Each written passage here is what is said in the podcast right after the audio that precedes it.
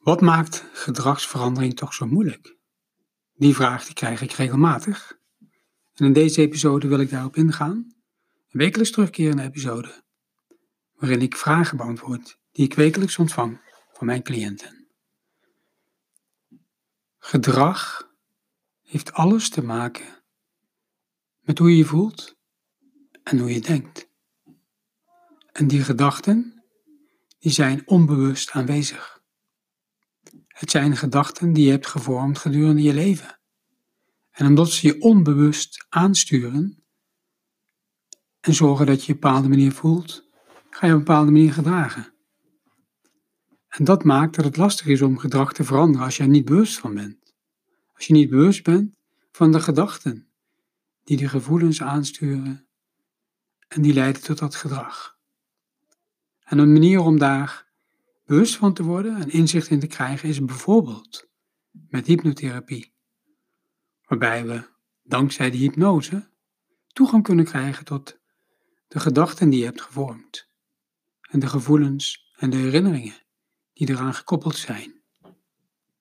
En door daar inzicht in te krijgen, ga je duidelijk zien welke gedachten jou sturen, welke gedachten leiden tot welke gevoelens en kun je ze dus ook veranderen. En dat is zoals gedragsverandering werkt met hypnotherapie. Kijken naar je gedachten. En dat doen we onder andere bijvoorbeeld met een techniek die heet regressie.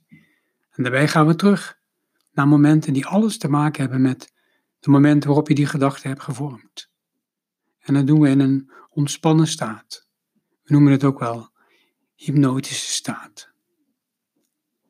En dankzij die inzichten kun je jezelf bevrijden van gedachten die je belemmeren. En zo kun je een nieuw mens worden dankzij nieuwe gedachten.